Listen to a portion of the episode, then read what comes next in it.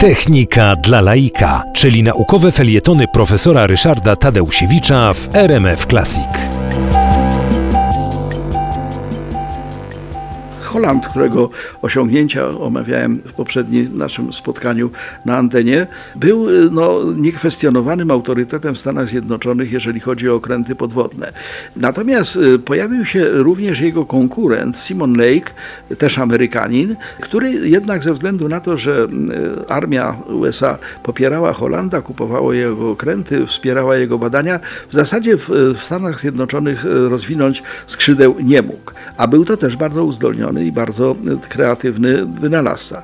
I wobec tego Simon Lake zbudował okręt, nazwał go Argonaut, a potem e, dodano numerek jeden, bo zbudował tych Argonautów więcej, e, który e, miał cały szereg bardzo oryginalnych rozwiązań, między innymi miał koła do jeżdżenia po dnie. Zwykle okręty podwodne po prostu pływają, no, z dna raczej unikają, a jak się zderzą, to marny ich los. Natomiast okazało się, że właśnie ten okręty Simona Lake'a jeździły sobie również po dnie. Co więcej, miały śluzy do wychodzenia nurków. To była nowość, bo można było w ten sposób na przykład y, miny podkładać, czy ewentualnie coś tam niszczyć.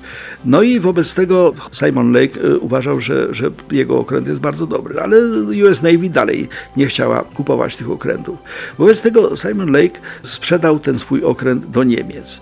No, y, sprzedał go, ale okazało się, że słabo opatentował swoje pomysły. Wobec tego ten jeden okręt, nazywający się Argonaut II, trafiwszy do Niemiec, natychmiast został przez Niemców skopiowany. Friedrich Krupp, Germania Werf w Kilonii, stocznia budująca okręty wojenne ogólnie, pancerniki również, zaczęła produkować okręty podwodne. Co ciekawe, najpierw produkowała je do Rosji, no ale później zaczęła je również produkować dla Kriegsmarine. To były okręty zdecydowanie mm, oparte na koncepcji Simona Lake'a, ale no, y, udoskonalone i coraz bardziej doskonalone przez Niemców.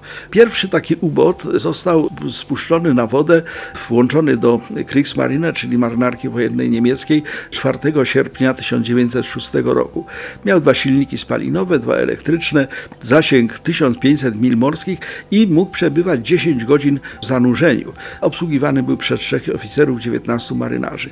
To się bardzo spodobało Niemcom i zaczęli budować kolejne okręty. One miały tam kolejne numery U1, U2 i tak dalej.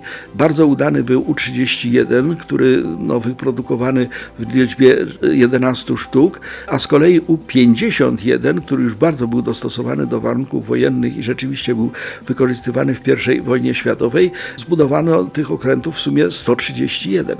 Wobec tego Amerykanin zapoczątkował w Niemczech budowę okrętów podwodnych, które potem zatapiały okręty amerykańskie.